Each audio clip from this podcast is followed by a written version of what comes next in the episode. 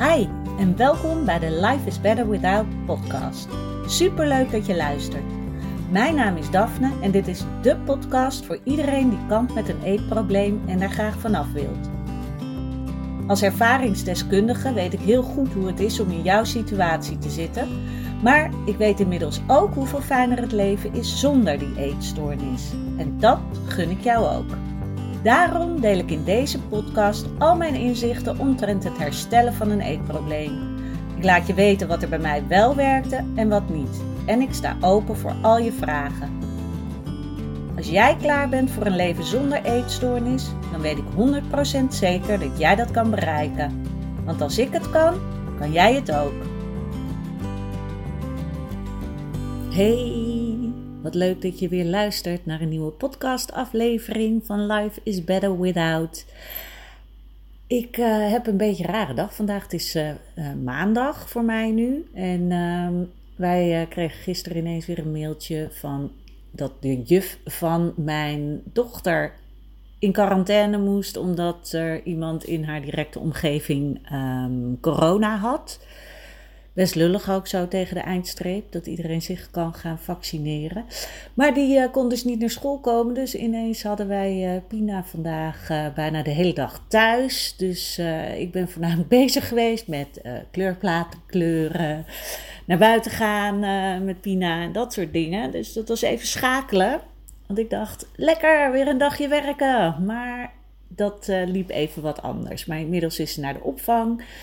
En kon ik lekker eventjes wat werk doen. En nu dus een podcast opnemen voor jou. En waar ik het vandaag uh, over wil hebben, uh, dat is eigenlijk het grote mysterie. Waarom heb jij je eetstoornis? En dat is echt een vraag die mij ook enorm heeft bezig gehouden vroeger. En um, het is ook heel moeilijk om daar een antwoord op te vinden.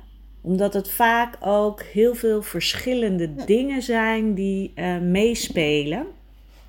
Uh, dat, dat je een eetstoornis ontwikkelt. En dat maakt het denk ik ook zo ingewikkeld om voor jezelf erachter te komen van wat is het nou? En het is ook niet zo dat je je daar zo blind op moet staren van ik moet daar precies achter komen. Want um, ja, dat belemmert je ook in, ja, in, je, in het herstellen van je eetstoornis, als je daarin blijft hangen. Uh, maar het kan wel goed zijn om eens bij jezelf na te gaan van waar, waar gebruik jij je eetstoornis nou voor? Want het is niet. Uh, dat staat, ja, je eetstoornis staat, zit vaak ergens aan vast, aan gevoelens die jij bijvoorbeeld niet kan handelen. En die je dan uh, bijvoorbeeld letterlijk, uh, ja, waar je, waar je eetstoornis een uitlaatklep voor is. Dat voelde bij mij in ieder geval wel echt zo. Dat het een, helemaal de eetbuien die ik had en het daarna er ook weer uitgooien, dat het een soort letterlijke uitlaatklep was. Eventjes iets doen wat niet mag. En als ik uh, ja, bijvoorbeeld terugkijk, is het. Ik dacht bijvoorbeeld van. Ja, ik kan heel goed tegen stress. Maar dat was helemaal niet zo. Weet je, ik hou van een goede deadline. Want daar heb ik namelijk dan zelf ook invloed op. Weet je, als ik nu. Uh, ik doe ook grafisch werk. Uh, nog ernaast. En dan uh, ja, weet ik gewoon van oké, dat en dat moet dan af. En nou ja daar, daar, ja, daar heb ik zelf invloed op. Daar heb ik zelf de controle over. Maar ik heb heel lang als productieleider gewerkt in de muziekwereld. Voor uh, eh, 3FM en in de Melkweg. En als je dan productiewerk doet, uh, dat was voornamelijk het regelen voor artiesten die kwamen optreden. En dan ben je eigenlijk de tussenpersoon tussen de artiest en dan hun tourmanager of productiemanager en de mensen van de zaal. En dan moet jij eigenlijk zorgen dat alles goed loopt. En het probleem is, daar heb je dan niet echt goed de controle over. Omdat ik echt ja, met veel mensen en tussen veel mensen stond. En ik moest de boel draaiende houden. En ik dacht dus altijd van, oh ja, dat kan ik heel goed en ik uh, heb nooit stress. Maar als je dan terugdenkt, dan uh, was eigenlijk inderdaad mijn uitlaatklep voor die stressgevoelens, want die waren er wel degelijk. Alleen door mijn eetstoornis was dat, kon ik dat als een soort uitlaatklep gebruiken. Waardoor ik, ehm, ja, hoe, hoe leg je dat nou uit? Dat je, ja, eigenlijk die gevoelens via een andere weg weer naar buiten laat gaan. Ik hoop dat je, misschien een beetje wazig verhaal, maar ik hoop dat je het een beetje begrijpt. En dat is dus zo'n voorbeeld van iets waarvan je misschien denkt van, oh, dat heb ik helemaal niet, daar heb ik helemaal geen last van. Bijvoorbeeld wat ik dus had van, ik kan hartstikke goed tegen stress. En dat ik later dacht, hmm, nee, is eigenlijk niet zo. Merkte ik ook later. Ehm, toen mijn eetstoornis al uh, over was, als het ware, uh, dat ik wel vaker stress uh, ervaarde is het ervaren. Nou, maakt niet uit. En uh, dat je dan ineens denkt, hmm, ja, misschien hou ik wel helemaal niet zo van stress. Nogmaals, inderdaad, ik hou van uh, wel een beetje lekker hard werken, die deadline, zolang ik er zelf maar die controle over heb. Uh, nog een voorbeeld is inderdaad dat ik het ook moeilijk vond om afhankelijk te zijn van anderen. En dat heeft denk ik ook weer te maken met dat ik uh, vrij perfectionistisch was. Nu gelukkig al een stuk minder. Maar nou ja, dat is waarschijnlijk heel erg herkenbaar voor als jij een eetstoornis hebt. En ja, heel veel mensen met een eetstoornis die zijn redelijk perfectionistisch. En ik kon dan ook altijd moeilijk bevatten dat er mensen waren die dat niet hadden. Die bijvoorbeeld de kantjes eraf liepen. Of dat je afspraken met ze maakte waar, die ze niet nakwamen. Of, uh, dus ja, dan wil je uh, graag zelf alles in handen houden. En waardoor, ja, waardoor je inderdaad jezelf ook weer over de kop kan werken, bijvoorbeeld. Of gewoon het überhaupt niet begrijpt dat mensen anders zijn. Tuurlijk wist ik dat wel, maar weet je, voelen is toch iets anders. En uh, nog zoiets, waar denk ik ook wel veel uh, mensen met een eetstoornis last van hebben. Uh, ik wilde graag iedereen te vriend houden. Ik wilde graag aardig gevonden worden. En ik wilde ook laten zien van, ik doe mijn werk heel goed. Um, en ik wilde vooral inderdaad daarin geen fouten maken. En ik wilde heel graag op een vriendelijke manier met mensen omgaan. En heel veel mensen die, uh, ja, die tikken anders. Die gaan heel anders met mensen om. Die proberen dingen van mensen gedaan te krijgen. Bijvoorbeeld op een hele nare manier of een vriendelijke manier. En dat is ook weer zoiets van hoe kan dat? Waar, waarom zou iemand nou zo onaardig zijn? En ja, en daar ligt natuurlijk ook iets groters weer boven. Zo van, ik begreep soms ook de hele, weer, hele wereld niet. Ik weet nog als kind ook dat ik echt dacht van waarom zijn er kinderen die zo onaardig zijn of naar of die andere mensen pesten. Ik kon daar gewoon niet bij.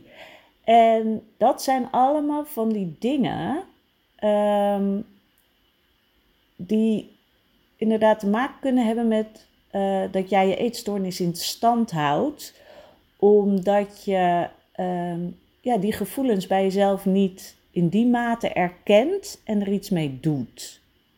En daar heb je dan bijvoorbeeld je eetstoornis voor, om dat als het ware op te lossen voor je. Zodat je er vooral niet over na hoeft te denken, niet te veel over hoeft te voelen. En dat je letterlijk die uitlaatklep hebt. Dus als jij uh, dit luistert en je hebt een eetstoornis, en vooral met eetbuien is dat um, een goede graadmeter eigenlijk. Dat je uh, gaat nadenken van oké, ik voel een eetbui opkomen. Wat is er vandaag gebeurd? Of misschien wel gisteren. Weet je, het kan ook soms een lange aanloop zijn. Of meerdere dingen bij elkaar die opbouwen tot, tot dat gevoel van. En nu moet ik een, uh, een eetstoornis hebben, een eetbui hebben. En het er weer uitgooien. Of niet, kan ook, dat uh, ligt eraan. En um, ja, dat, dat wil ik je heel graag meegeven. Van ga eens na als je die gevoelens hebt van ik wil een eetbui hebben, wat is er eerder gebeurd? Zijn er dingen gebeurd die, uh, ja, waardoor jij je naar voelde? Of was het misschien een situatie met een persoon waardoor jij uit het veld geslagen werd, of een nare opmerking kreeg, of niet goed uit je woorden kwam, of uh, helemaal niks zei in een groep bijvoorbeeld. Weet je, er kunnen zoveel dingen zijn, maar het is heel goed om te beseffen uh, waar het dan vandaan komt. Want zodra dat voor jou bekend is, kan je, um, kan je daar bewust mee aan de slag gaan. Dat je eens gaat kijken, oké, wat kan ik daar, daarmee doen? En ook erkennen dat je die gevoelens hebt en dat dat ook mag dat jij je ook uh, ellendig mag voelen. Of dat je echt wel mag zeggen: Ik kan eigenlijk helemaal niet tegen stress. Terwijl je denkt: Ja, maar ik wil gewoon alles altijd goed doen. En ik wil niemand tot last zijn. En weet je, al dat soort uh, zaken. Want dat ligt er natuurlijk vaak aan ten grondslag. Maar dat je voor jezelf echt. Uh, ja, ervoor uit durft te komen wat jouw gevoelens zijn. Ook al wil je dat eigenlijk helemaal liever niet weten van jezelf.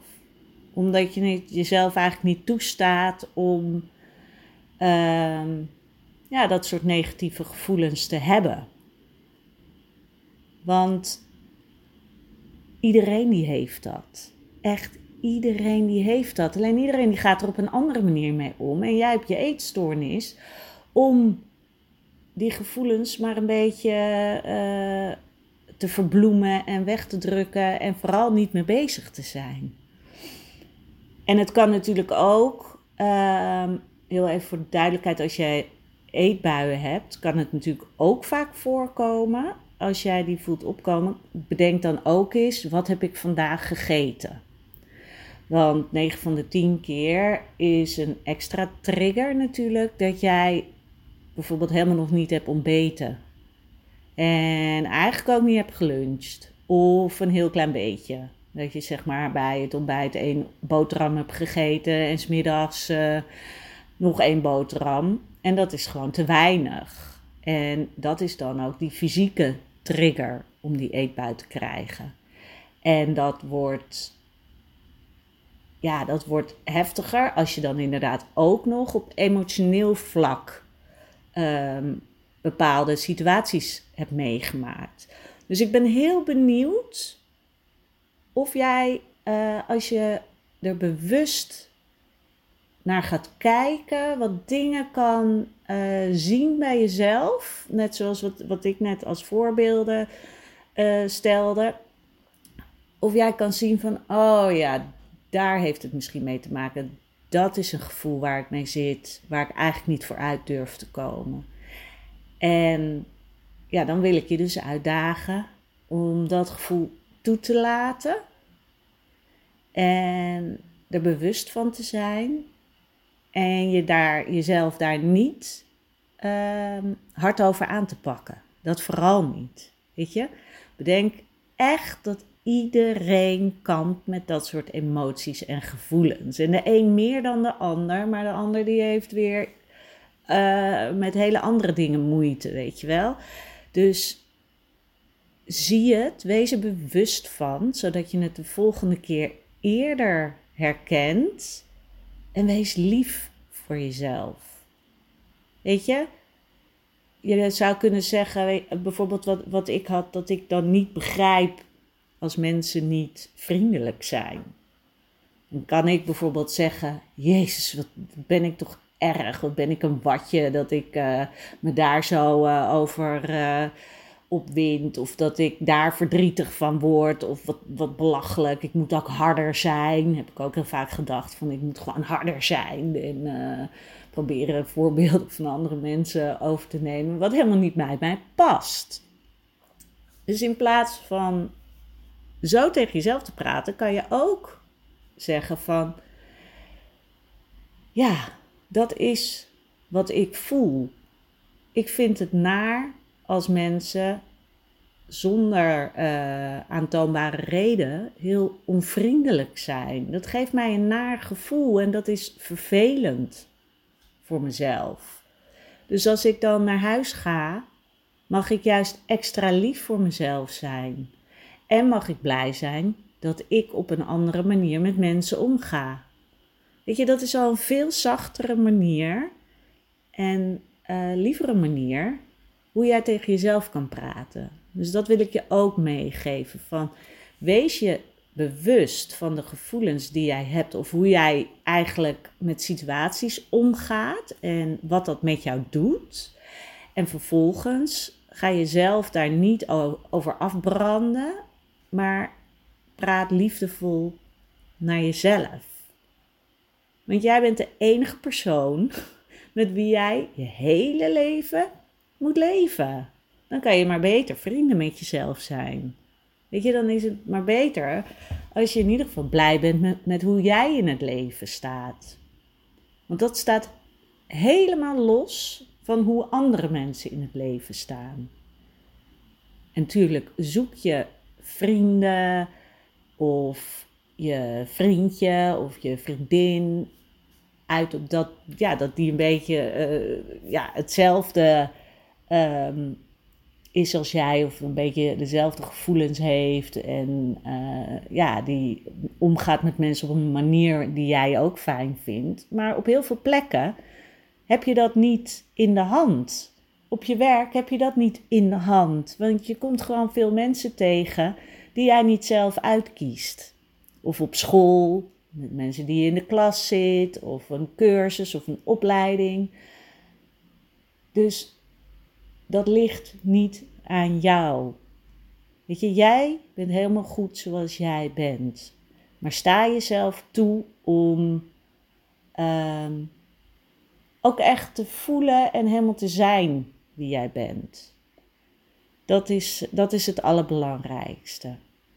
Nou, ik hoop heel erg dat, je, ja, dat er ook maar iemand is die een beetje wat heeft aan deze podcast. Want ik weet hoe moeilijk het is om te bedenken van waarom heb ik nou die eetstoornis? Hoe kom ik er weer van af? Wat, ja, waar staat mijn eetstoornis voor? En dit zijn kleine dingen die je kan doen om meer helderheid voor jezelf um, te genereren. Maar ook om uiteindelijk dat herstel echt in te zetten. En nogmaals, wil je daar hulp bij? Kijk op mijn website. Ik heb een fantastisch um, vier maanden programma waarin ik jou heel goed kan helpen naar herstel. En op een positieve manier. Dat je echt het leven weer leuker gaat vinden. Dat je meer energie krijgt. Dat je weer de mooie dingen in het leven gaat zien. In plaats van alleen maar de zware dingen. Weet je? Dat je gaat voelen dat je er mag zijn. En dat is alles wat ik je gun. En um, deel deze podcast met mensen die er misschien wat aan kunnen hebben. En um, nou, laat me weten wat je ervan vond. En dan um, moet ik even kijken of er vrijdag nog eentje online komt. Vrijdag ben ik jarig, dus ik ga ze eventjes bedenken of ik nog iets leuks kan verzinnen en of ik dan een podcast op kan nemen. En dan, uh, en anders dan wordt het maandag. Maar hou mijn Instagram in de gaten, daar uh, laat ik altijd weten als ik een nieuwe podcast heb. En mijn Instagram is live.is.better.without. Dan wens ik jou nog een hele fijne dag of avond en tot de volgende keer.